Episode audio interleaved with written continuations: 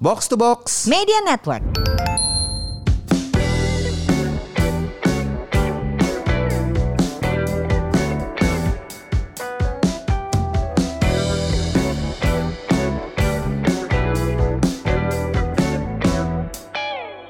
Semurians, welcome back. Ini dia podcast Semur Sehat Makmur. Podcast yang mengajak kamu untuk sehat jasmani dan makmur finansial. Bersama saya Ligwina Hananto dan ada rekan saya. Halo halo, ada FX Mario di sini. Mar, Halo Win, apa kabar? kita udah diomelin sama Semurian. Nih Aduh, kenapa nggak ada update-update podcastnya?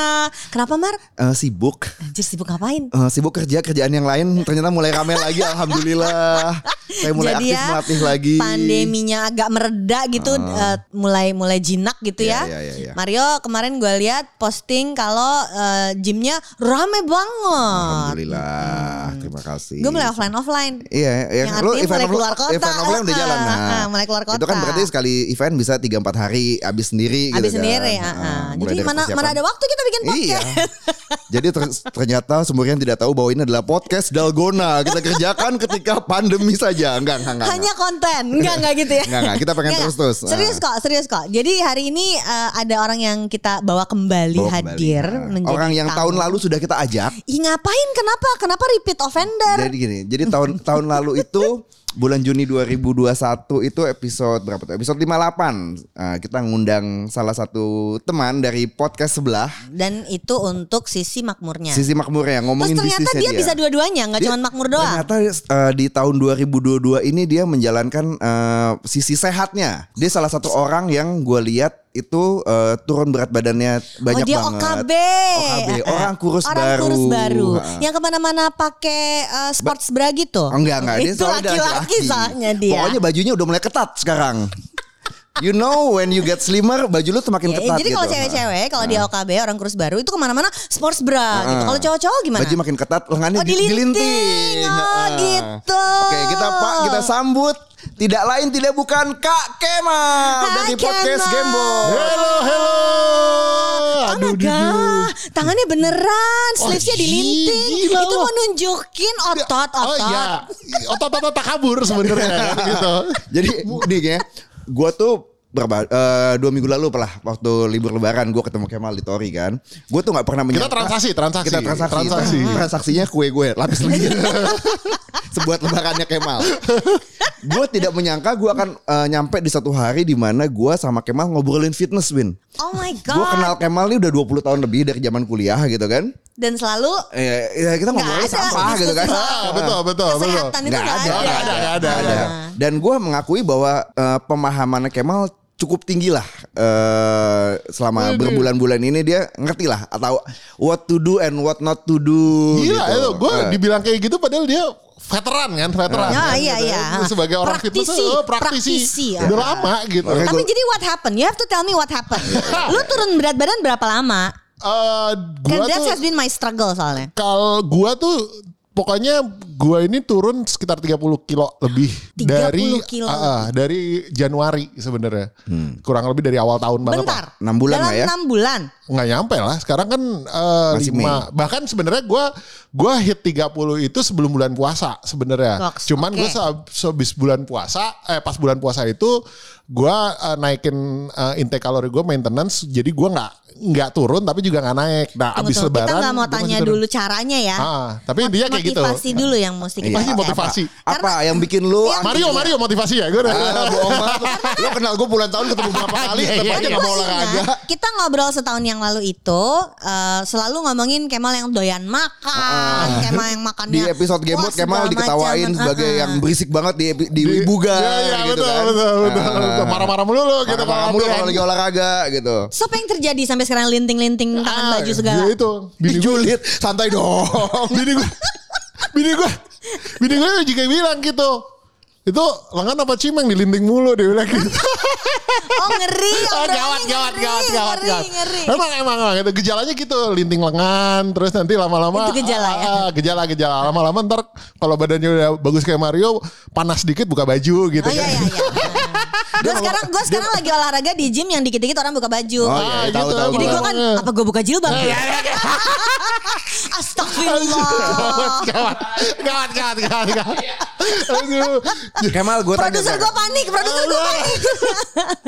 nah, Jadi, apa ah. yang bikin lo kemudian memutuskan ini kan sampai 30 kilo dalam lima bulan kan berarti ada sesuatu yang sangat moving Sa- sampai lo memutuskan dong. Sebenarnya eh, kurang lebih itu kejadian eh, istilah triggernya ya. Hmm. Triggernya itu kurang lebih pas nggak lama deh, kayaknya nggak lama. Kok nggak salah nggak lama abis eh, yang gue eh, diajak eh, interview itu? yang bukan di interview sama kalian diajakin tamu Oh, yang Oh, oke, tahun oke, lalu. oke. yang Ah. setahun yang Tahun lalu. lalu, Jadi kira-kira mungkin berapa minggu setelah itu, gua kena eh, asam urat. Oh. Gokil tuh. yang Penyakit kontennya om- dijadiin Oh gila. yang lu gitu. ngangkak-ngangkak di tangga itu kan? Yoi, Yang lu yoi, berdiri, yoi, kan? yang naik tangganya pakai tangan kan. Asam Gitu. urat itu apa yang terjadi? Kaki lo sakit. Ka- Jadi gini, jadi gua sebenarnya gua kan udah eh gua itu udah nge badan gua, gua tuh eh, udah ngehit tiga digit berat badan Iya. gua tuh sebenarnya dari SMA kan sebenarnya. Jadi gua eh, nggak pernah jadi anak yang eh, langsing lah gitu dari dulu. Jadi gue sebenarnya udah kena asam urat itu udah kayak tiga apa empat kali lah waktu itu ya gitu dalam ininya.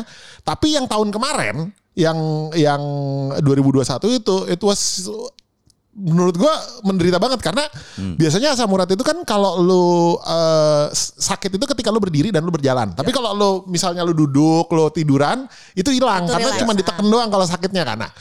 Jadi gue biasanya kayak gitu kalau gue asam urat ya udah gue duduk, gue nonton eh, ngapain lah gitu ya intinya nggak nggak di nggak dipakai jalan aman. Abis itu tinggal nunggu sembuh gitu. Nah yang kemarin itu eh sampai lu berdiri apa lu duduk aja lu lu, lu sanggah gitu kakinya itu tuh nyucutan kayak kayak lu sakit gigi Sakit gimana sih terus. kayak eh, Nyut, itu- nyut, oh, nyut gitu. terus gitu sampai gue suka bisa tidur itu kebangun karena kesakitan gitu loh jadi wah itu Pokoknya parah apa banget aja kalau udah ganggu tidur mah Iya, berarti iya, udah iya. lampu Ah, merah itu, aja itu. ah, jadi waktu itu gue kayak wah ini ah pokoknya menderita banget ya dan biasanya gue kalau asam- omom ya. Sampai asam uratnya nggak bisa tidur. Ini udah Iya. keterlaluan Iya. banget ya. Udah, udah terlalu paruh baya itu gue udah ya.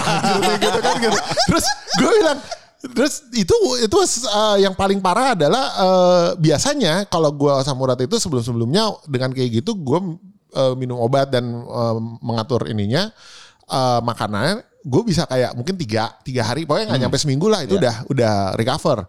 Waktu itu itu gue lebih hampir seminggu setengah deh. Waktu itu sampai gamebot itu uh, berhenti. Kita stop episode sampai dua dua kali episode itu kita skip. Karena gue yang ini gue kalau di kalau diajakin online pun yang ada marah-marah karena ini sakit banget gue bilang gitu kan. Emosi melulu gitu. Mempengaruhi mempengaruhi psikologis. ya, gitu. Udah udah kayak gitu gue marah-marah itu sakit banget. Ah, itu padahal pokoknya lu sambil gitu. minum obat tuh mal.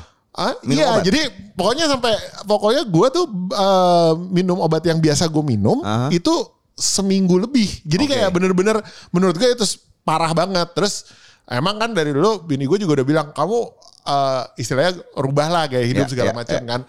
Nggak pernah Ya, tapi dengerin. ngomongnya nggak gitu pasti dia kan. Enggak, terakhir kalau Ngomongnya cuman nah kan, nah kan gitu. udah udah tinggi banget tuh. ah, gitu, udah. udah, gue bilang juga apa gitu lah ibaratnya Iya, gitu. iya. Jadi Hai para istri di luar sana dengarkan. Nah terus ya udah dari situ gue mulai ya kayak ditampar kan rasanya kan. Jadi ya udah dulu dari situ gue pelan-pelan sih sebenarnya mempelajari. Eh, maksudnya pelan-pelan mau coba. Pertama cuma jalan, apa jalan pagi atau Yes. segala macam kecil-kecil. Terus eh, mulai nyari aktivitas yang lebih eh, menggerakkan badan. Akhirnya gue eh, akhir tahun itu gue nyoba eh, apa eh, jadi diajakin tenis gitulah buat Oh, tenis iya, tenis iya, gua tipis-tipis liat- gitu, ah, gua ha, tenis tenis. tipis-tipis sama Itu ada lagi hits gua. ya. Katanya hits lagi. Lagi hits lagi. Oh, iya? Iya, everybody's talking about tennis now. Oh gitu, pokoknya gue ada Semua lapangan tenis fully book. Iya tapi emang sih, gue juga baru punya. Gue kira emang selama ini apa eh, rame, cuman gue gak pernah tahu. Ternyata emang lagi Ternyata ini ya, lagi. lagi oh, jadi ini gue tenis tipis-tipis sama diajakin sama sepupu gue lah gitu kan, iseng-iseng. Ayo udah lah, akhirnya kita seminggu, sekali. Terus dari situ gue, ayo udah lah enakan. Terus gue eh, join gym untuk Ya. nyoba ngelat, eh, olahraga. Tapi ya udah, terus em, baru tapi gue bener-bener dari situ gue turun sekitar 2-3 kilo lah waktu dari kira-kira bulan November sampai Desember. Nah terus habis itu pas Januari gue em, bikin program, gue ngikutin program, gue eh, mau ngerubah makan dan segala macam segala macam. Gue tuh belajar, jadi gue kayak ngebuka-buka tentang eh, apa eh, metabolisme badan dan segala macam segala macam. Mau Lu mau ngulik jadi. ngulik ngulik gue tuh nggak gue tuh orang suka suka banget ngulik jadi gue kayak penasaran yang kayak gitu gitu kan ya udah Itu gue sebelum lu fitness challenge itu. Be- uh, sebelum, sebelum Sebelum. jadi gue belajar gue gue gue cari-cari tahu gitu dan gue gue tuh seg- segitu penasaran gue tuh nggak nggak pertama-tama gue nyari dari Google kan Iya. tapi lama-lama gue bukanya dari jurnal dari jurnal-jurnal eh, ah, jadi ada Iya, iya, ngeri, iya. ngeri. Ah, Mau dari yang jurnal. science Penasaran, based. Iya, iya science based. Karena science based banget gue orangnya. Bukan Gua- bro science. Ayo, udah, udah, betul. Gue tuh baru tahu baru tahu istilah bro science tuh setelah Bro oh ada ya trust me bro gitu kan Iya. gitu, Ha, gitu. itu itu sering banget terjadi di dunia fitness lah because uh, there's this big guy yang udah lama banget ngomong oke I do this lu mesti ikutin kan nggak semua cocok dan nggak semua science based Ah. gitu kan Uh, karena pengalaman lu doang nggak nggak bisa jadi validasi yang lu lakukan paling benar Tahu gue kalau di Kayak finance gitu. tuh TikTok investor. nah, Nah iya, Iya kan? sama ada iya, iya. ada TikTok fitness influencer juga Iya, iya, sebenarnya iya, dan iya, itu iya. yang sama kelakuannya mungkin mirip sih sebenarnya kalau nah. gue. Jadi di situ gue juga baru jadi gue ternyata setelah gue eh, apa eh, mempelajari lah gitu dari yang gue lihat aja baru baru sebentar gue pelajarin gue kayak oh ternyata banyak banget klaim-klaim di di, di dunia fitness atau di dunia Iya. nutrisi itu yang ternyata nggak ada basisnya gitu loh. Bahkan sebenarnya basisnya sudah di debunk sama eh, apa saya sama gitu. penelitian Ah. tapi tidak pernah nyampe lah ke eh, banyak orang. Jadi gue kayak, yang, oh ternyata begini ya gitu. Akhirnya gue kayak, oh ternyata quote quote ternyata gue selama ini selalu berpikir bahwa menjadi eh, lebih sehat ya, lebih sehat itu sulit karena gue harus give up my eh, karena gue orang kan makan very makan gitu ya. Gue tuh selalu merasa bahwa pada satu titik gue tuh harus memilih. Nah itu gue nggak begitu gue mempelajari itu ternyata nggak doesn't work Ah. like that gitu. Badan kita tuh nggak nggak se- uh, ternyata pinter banget lah gitu untuk uh, dan fleksibel banget untuk lo basically you don't have to uh, meninggalkan lifestyle lo. Yes, you have to do adjustment tapi nggak harus lo meninggalkan. Jadi Bakat like ini, nggak ekstrimnya gitu. Doesn't work gitu sama lo Doesn't work pokoknya. at A atau B gitu nggak gitu nggak nggak nggak nggak harus lo pilih. Jadi gue kayak gue belajar dari situ terus gue uh, apa namanya mencoba kan gitu dengan pola makan yang gue bikin sendiri dan segala macam. Dari situ memang dari Januari sampai eh, Maret lah Maret ke April itu itu yang sampai kira iya kira-kira sebelum bulan, puasa lah. Itu Ya. gue uh, sampai 30 kiloan sebenarnya. Jadi dari situ gue merasa bahwa oh iya bener nih gitu. Dan science base yang dok yang gue pelajarin itu eh, dari jurnal-jurnal yang dan gue bener-bener yang jurnalnya tuh gue bacain gitu. Oh ternyata begini-begini apa eh, se, se textbooknya tuh bener-bener yang gue liatin gitu. Ternyata memang eh, science base ini bisa diaplikasiin di kita itu. Jadi dan ketika gue ngobrol sama Mario gue juga yang oh ternyata ya veteran ya Mario kan gitu. Gue gue sampai gue bilang sama Mario Mar lu emang bangke juga ya Mar gitu. Gue empat umur 40 baru tahu nih ginian. Lu enak banget tuh umur 30 udah tahu ginian gitu. Karena Bodinya adjustmentnya lebih cepat lebih cepat gue gila lo gue karena karena eh, gue kenal Mario ya itu gue gue tahu Mario dari zaman kuliah terus abis itu kita eh, lama tidak bertemu ketemu kan terakhir ketemu yang kerja. waktu di FX itu kan Iya. dan dia udah begitu gila lo Mario kenapa kayak gitu? Gitu buset tuh gitu Waktu kan itu dia dilinting-linting nggak? Ah, udah sekarang aja dilinting gila lo gue bilang gitu jadi lo tau efeknya panjang ini gue baru dia veteran linting ya.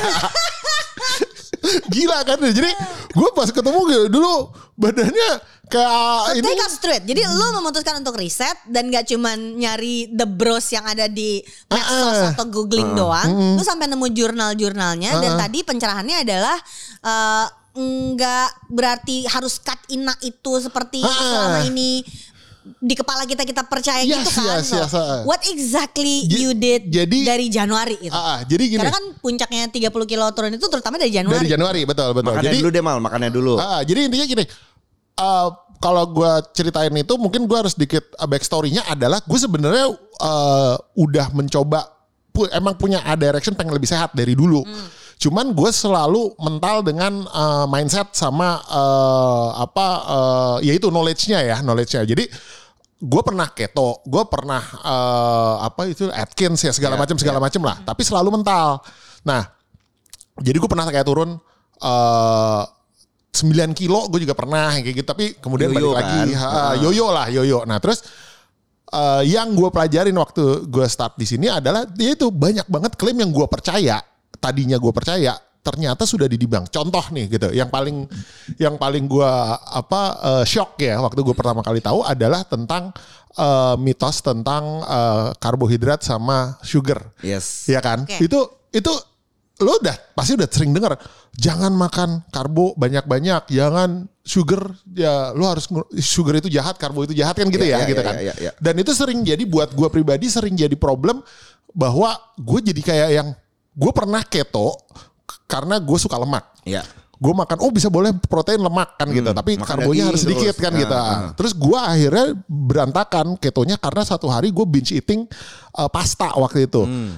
karena mindset gue adalah gue nggak boleh ket nggak boleh karbo kan Iya, gitu kalau keto kemudian dari situ gue udah turun waktu itu 3 4 kilo akhirnya balik Dan lagi itu cukup efektif bisa Ah, turun. artinya memang tapi turun. ternyata nggak bisa lu maintain. Ah, ah, nggak bisa maintain. Nah, terus abis itu ya udah terus dari situ gue menyadari bahwa satu yang kesadaran dari dari dari mitos-mitos itu dan gue karena saking gue yang hah masa sih gitu terus gue kulik gue cek di jurnal ternyata memang sudah didibang eh, tentang bahwa karbo sugar itu intinya tidak ada makanan yang eh, buruk gitu ya buat kita itu ternyata sudah didibang by by by eh, eksperimen dan jurnal Ya, scientific jurnal itu sudah bertahun-tahun lamanya gitu loh. Jadi ketika ada orang yang eh, bilang bahwa karbo itu segala macam segala macam eh, jelek dan segala macam bahwa makanan itu ada yang buruk ya artinya lu even yang namanya junk food gitu ya Ya. dianggap sebagai sesuatu yang jahat gitu ya buat lu. Ternyata the science-nya science-nya nggak bilang begitu bahwa gini ada perbedaan antara lu kita bilang gini junk food is bad itu kayak lu bilang kan isinya sampah terkesannya gitu ya artinya yang ketika lu makan junk food ada uh, Efek sesuatu yang langsung. kontraproduktif terhadap ini badan lu di situ Iya. nah enggak science, science scientific fact-nya mengatakan bahwa yes uh, yang namanya junk food atau fast food itu dia memiliki kadar kalori yang tinggi Trans fat yang tinggi. trans fat yang tinggi karena dia pakai trans fat kan Iya. Eh, dan eh, karena dia banyak diproses eh, makanannya makanya overly proses ya gitu. Dikasih bumbu apa ini itu ini itu. Sehingga dia kalori dense dan biasanya nggak secara eh, tingkat kenyangnya nggak terlalu tinggi. Jadi dia tuh gampang banget untuk bikin orang eh, overeating. Overeating. Nah jadi tapi itu bukan berarti dia buruk untuk kesehatan. Karena tidak ada di dalam di dalam suatu misalnya apa McDonald gitu ya burgernya ini sesuatu yang kontraproduktif terhadap eh, badan lo nggak ada racun nggak ada yang seorang suka bilang lu jangan makan fast food. Dia tuh racun di dalam badan lo kan gitu ya. Badan kita itu udah segitu pinternya nggak mungkin ada racun yang mengendap di dalam badan lo badan itu cuma bisa ngeluarin racun tuh tiga eh, kalau lo kena racun terekspos sama racun atau benda asing lah gitu di badan lo itu ada tiga tiga reaksi sama badan lo satu dikeluarkan sekresi kalau memang kadarnya tidak terlalu berat ya kan kedua dia mengeluarkan dengan sekresi tapi dengan cara yang agak maksa misalnya kayak diare gitu ya dibikin demam dan ada inflammation lah gitu sama lagi sekalian mati sebenarnya gitu kalau lo memang ini badan gitu. lo kuat. Ah, kalau kalau sudah dalam kadar yang terlalu tinggi gitu ya. That's it. Tapi intinya dia akan dikeluarkan atau badan lo akan punya reaksi. Jadi there is nggak nggak ada ceritanya sebenarnya ketika lo makan sesuatu lo numpuk racun di dalam tubuh lo karena itu badan kita segitu efisiennya untuk menjaga keluarin mengontrol. Ah, jadi bukan.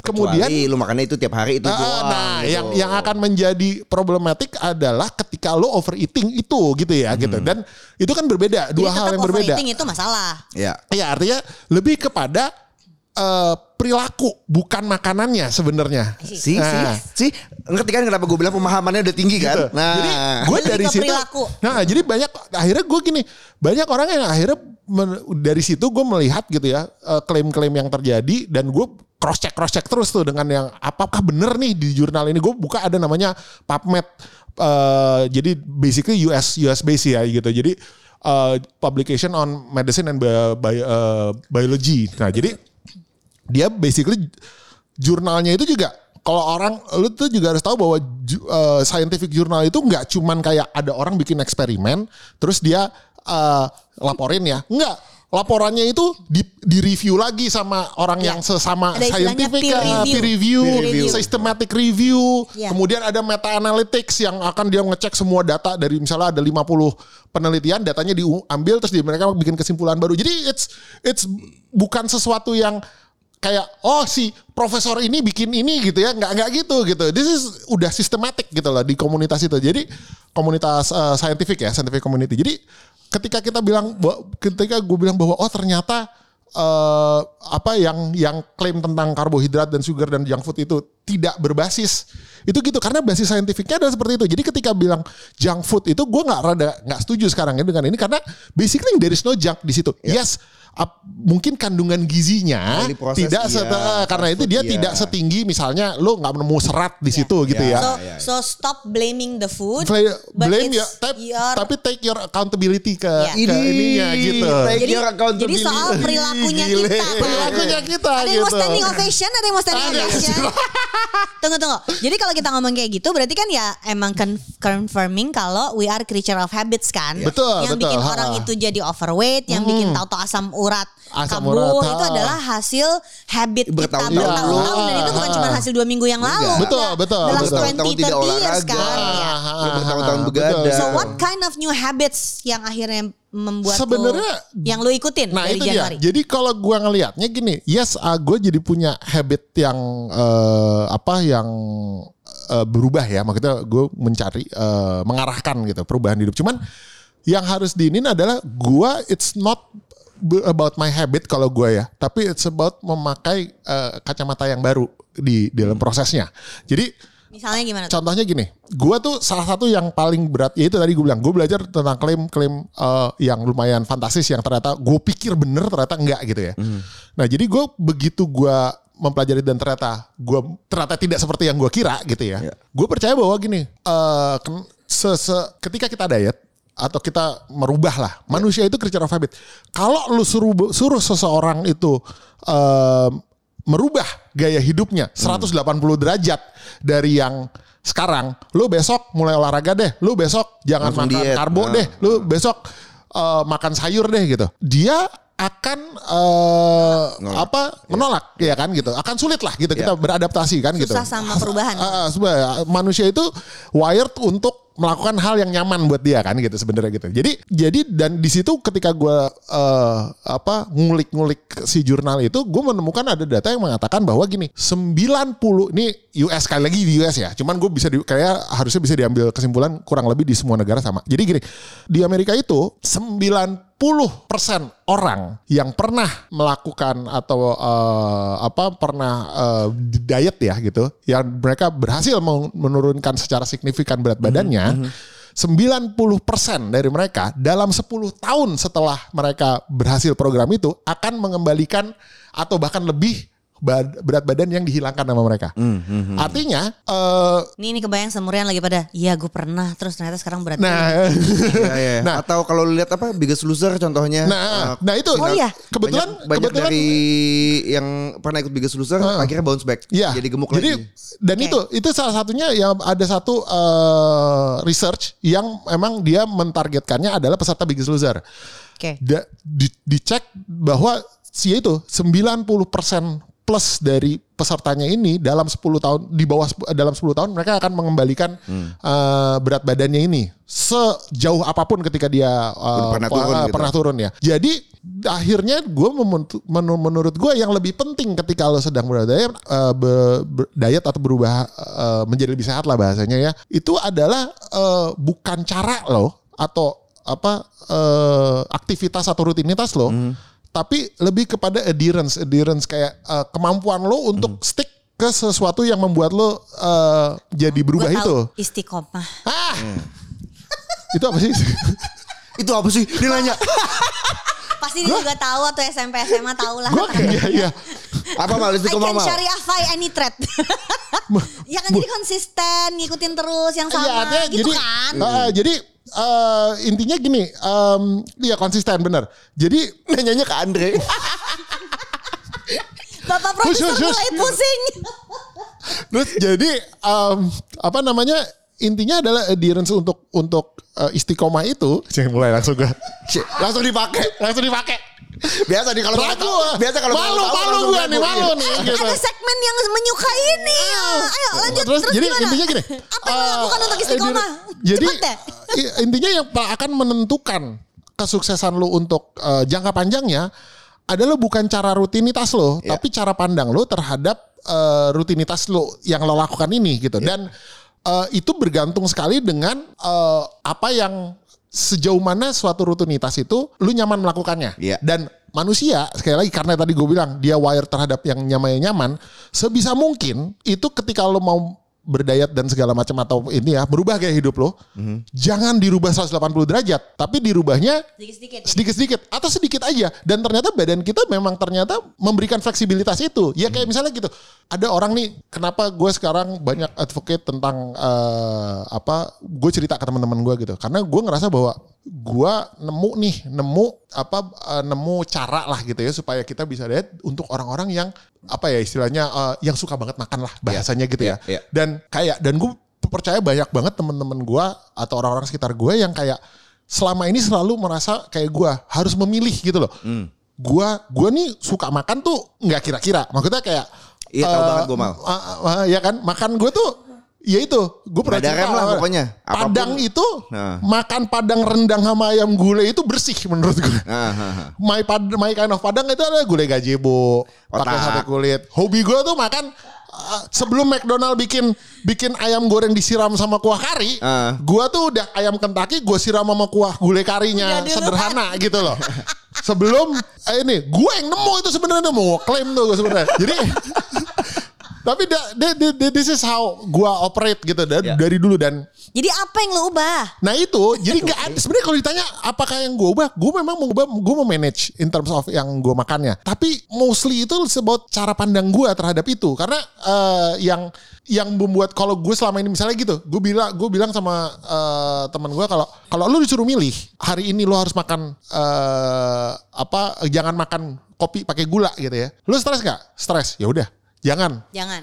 Ikutin. lo itu. lakuin lo lakuin apa yang lo suka gitu. Ya gitu. Tapi you have to do some restriction pasti kalori defisit kan gitu. Karena itu adalah kunci. Kalori defisit adalah kunci lo untuk turun berat badan. Bentar, jadi ketika lo bilang kita butuh untuk em, punya konsistensi, kita mengubah kacamata kita terhadap apa yang mau kita kerjain, tapi at the end of the day tetap harus kalori defisit. betul. Jadi apa pun jenis dietingnya, si kalori defisit ini yang akan Betul. menentukan Jadi, kita akan turut berat uh, uh, badan apa enggak. intinya- Karena ini kalau buat lu isunya udah isu kesehatan kan Betul, dengan ha. berat badan yang di atas 100 berarti. iya gua waktu ya, awal tahun itu 132 Dari 132 sekarang, Sekarang? udah di bawah 100. sekarang 94 Well Mantap ya. done, well done. Oh, Oke. Oke, Semurian. Itu tadi obrolan sama Kemal eh, soal bagaimana akhirnya dia mau bergaya hidup sehat, tapi kayaknya Kita eh, lanjutin dong. Lanjutin lagi ya next Oh, episode bersama Kemal. Saya FX Mario bersama rekan saya. Saya Ligwina Hananto. Buat apa tapi nggak punya uang? Buat apa makmur tapi body fat tinggi? Live long and prosper.